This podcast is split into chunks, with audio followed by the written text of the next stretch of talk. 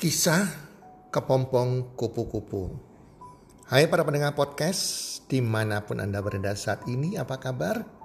Harapan dan doa saya semoga Anda bersama keluarga selalu dalam keadaan sehat walafiat dan dalam keadaan berbahagia selalu. Dan pasti-pastinya rezeki akan bertambah dalam kehidupan Anda setiap hari dan keberuntungan menyertai setiap langkah Anda di dalam kehidupan ini.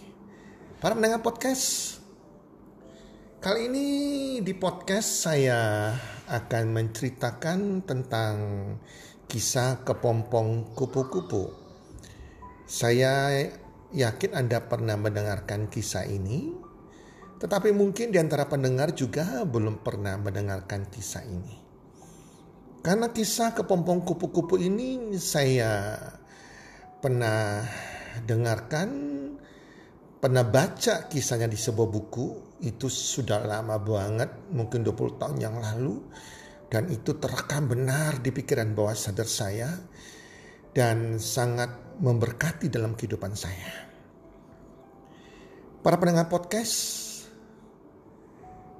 pada suatu saat ada seorang anak kecil sedang bermain dan anak kecil Laki-laki ini menemukan sebuah kepompong kupu-kupu di sebuah dahan yang rendah.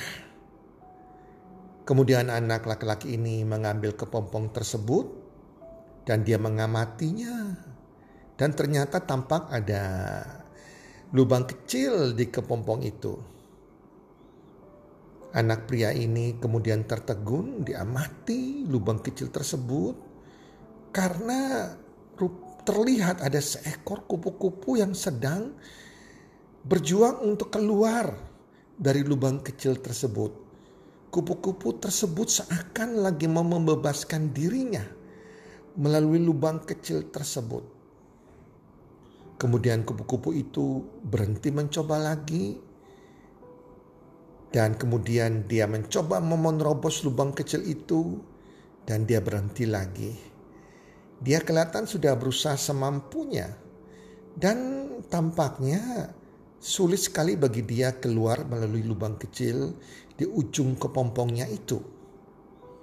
Melihat hal itu, si anak ini menjadi kasihan dan dia mengambil keputusan untuk membantu si kupu-kupu yang ada di dalam kepompongnya itu untuk bisa terbang keluar.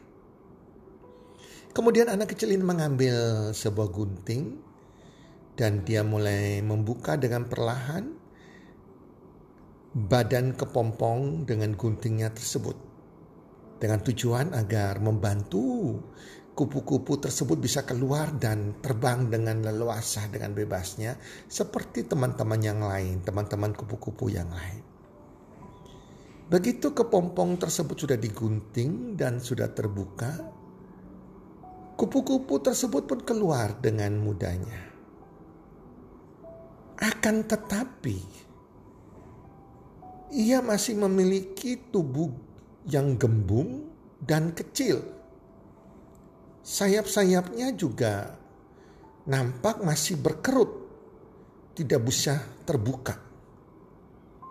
Anak itu pun mulai mengamatinya lagi dan dengan seksama sambil berharap agar kupu-kupu tersebut bisa berkembang, sayapnya bisa terbuka sehingga kupu-kupu tersebut bisa terbang menuju bunga-bunga yang ada di taman. Anak kecil ini menunggu, menunggu, menunggu dan harapan tinggal harapan.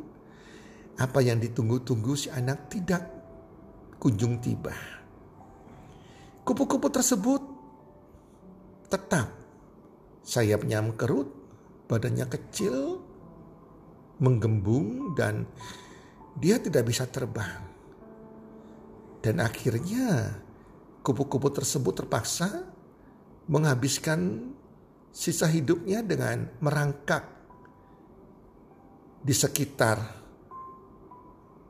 tempatnya dengan tubuh gembung dan sayap yang masih berkerut serta tidak berkembang dengan sempurna. Kupu-kupu itu akhirnya tidak mampu terbang seumur hidupnya. Para pendengar podcast, si anak kecil ini rupanya tidak mengerti bahwa kupu-kupu perlu berjuang dengan usahanya sendiri untuk membebaskan diri dari kepompongnya itu. Lubang kecil yang perlu dilalui yang ada di kepompongnya tersebut akan membuat ia berjuang untuk keluar dari lubang kecil tersebut dan memaksa dia untuk keluar. Itu membuat cairan dari tubuh kupu-kupu tersebut bisa masuk ke dalam sayap-sayapnya. Sehingga dia akan siap terbang, siap membuka kepompongnya sendiri dan dia akan memperoleh kebebasan. Para pendengar podcast, dari kisah kupu-kupu ini dari kisah kepompong kupu-kupu ini, di sini saya banyak belajar, kita banyak belajar bahwa segala sesuatu yang tanpa melewati proses, segala sesuatu yang kita permudah, yang kita dapatkan dengan mudah tanpa perjuangan, itu tidak akan menghasilkan sesuatu yang berarti bagi hidup seseorang, malah bisa membuat membawa kepada kehancuran dan kematian. Kita harus sadari bahwa hidup ini memanglah harus penuh dengan perjuangan. Jika kita ingin berhasil dan menjadi manusia sukses, maka kita pun harus melalui sebuah proses untuk mencapai kesuksesan tersebut. Tidak ada kesuksesan yang instan. Apalagi yang dibantu oleh seseorang tanpa melewati prosesnya. Itu membuat kita menjadi karakter yang pecundang, karakter yang tidak tahan terhadap ujian, karakter yang tidak bertumbuh, tidak menjadi karakter pemenang. Kesuksesan harus melalui sebuah proses yang terkadang itu menyakitkan jika dirasakan mengalami jatuh bangun, perjuangan, dan butuh waktu itu semuanya untuk meraih apa yang kita inginkan. Seperti halnya sebuah seekor kupu-kupu yang indah. Dia harus berjuang dari kepompong, dia bertumbuh, dia berjuang, lewati proses yang ada dalam kepompong sampai proses dia harus keluar dari kepompong itu sendiri tidak boleh dibantu. Dia bisa keluar sendiri dan dia akan nikmati kebebasannya, mencapai impiannya. Janganlah kita menjadi seperti anak manja yang selalu ingin dibantu, selalu tangan meminta. Segala sesuatu mau cepat, mau instan, mau dilayani oleh orang tua kita Kadang orang tua juga mendidik anak zaman now ini juga salah.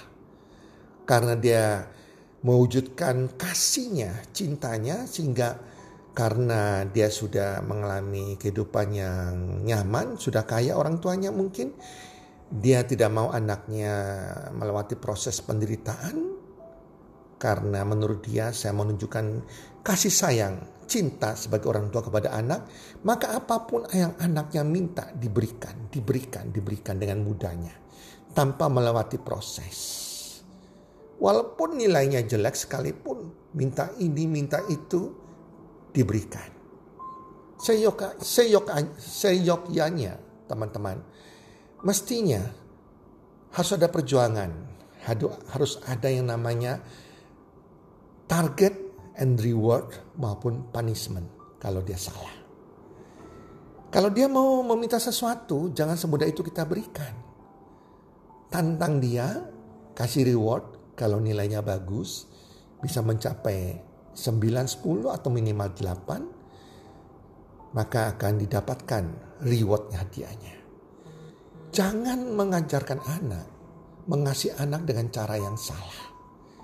Karena kasih atau cinta itu ada unsur mendidiknya, teman-teman. Kalau kita orang tua, kita tidak mendidik anak kita, kita menganggap itu adalah kasih dengan mempermudah mereka mendapatkan segala sesuatu. Artinya Anda tidak mengasihi mereka dalam arti yang sebenarnya. Anda sedang mempersiapkan sebuah lubang kehancuran bagi masa depan mereka. Mereka menjadi anak-anak yang manja, anak-anak yang tidak punya daya juang, dan selalu meminta. Karena hal itu sangatlah tidak baik untuk membentuk karakter dan jiwa mereka dalam menghadapi kerasnya kehidupan ini. Saya teringat sekali bahwa pada waktu saya, saya masih SMA dulu sampai bangku kuliah, ada teman baik saya yang anak tunggal, anak seorang kaya, pengusaha yang sangat kaya di Surabaya. Anak ini pada waktu zaman itu sudah punya mobil sendiri bayangkan. Kita di SMA masih naik sepeda motor, dia sudah punya mobil import yang sangat mewah sekali. Anak tunggal lagi, apa pun yang diminta, orang tuanya karena sayang dalam arti tanda petik memberikan apa pun yang diminta anak ini. Akhirnya anak ini tidak ada daya juang. Untuk nilai yang bagus saja, dia harus menyogok guru agar bisa lulus naik kelas. Itu pun kan orang tuanya yang melakukan itu. Masuk universitas juga orang tua yang dengan uang membayar fakultas dengan mahal sekali untuk masuk di di fakultas tersebut. Dan akhirnya anak ini tidak ada daya juangnya, malas belajar, maunya gampang, semua minta sudah ada karena orang tuanya memenuhi dia dengan segala materi. Dan akhirnya dia tidak lulus, di drop out dari tempat kuliahnya tersebut dan akhirnya juga pada waktu orang tuanya sudah tidak mampu bekerja lagi, tidak mampu menghidupi dia lagi karena sudah umur sudah tua, usahanya sudah menurun orang tuanya. Anak ini akhirnya mau hidup gampang, akhirnya tidak dapat pemasukan, tidak ada mau berjuang dari awal, akhirnya mencari bisnis yang yang mudah dapat uang, dan banyak uangnya. Akhirnya dia menjual narkoba. Dan naasnya ketangkap polisi dan dia lari dan berakhir dengan tembakan dari kepolisian mengakibatkan kematiannya. Itu contohnya. Contoh yang gamblang dari seorang sahabat terbaik saya. Dan hari ini kalau Anda masih berjuang para pendengar podcast, bersyukurlah sama Tuhan. Karena perjuangan Anda itu membuat Anda lebih tough, lebih mandiri, lebih kuat. Seperti seekor kupu-kupu yang berjuang keluar dari kepompongnya sendiri. Dan saya percaya selama Anda berjuang terus tidak pernah menyerah. Anda pasti mencapai kesuksesan yang Anda impikan. Semoga kisah sebuah kepompong ini bisa memberikan inspiratif bagi para pendengar podcast semuanya untuk kita renungkan dalam kehidupan ini.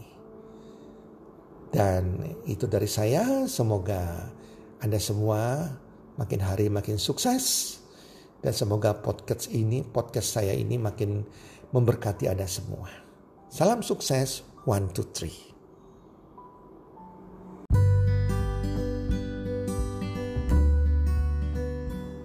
Terima kasih sudah mendengarkan podcast kami. Teman, jika Anda rasa bermanfaat podcast kami ini, Anda bisa menginfokan kepada rekan kerja Anda, keluarga Anda, teman ataupun sahabat Anda. Dan jika ada hal-hal yang Anda ingin tanyakan kepada kami ataupun topik-topik apa yang Anda ingin kami bawakan, kami sampaikan, Anda bisa DM kami di Instagram kami healthcommunity id. Salam one two three, salam sehat, sejahtera dan bahagia.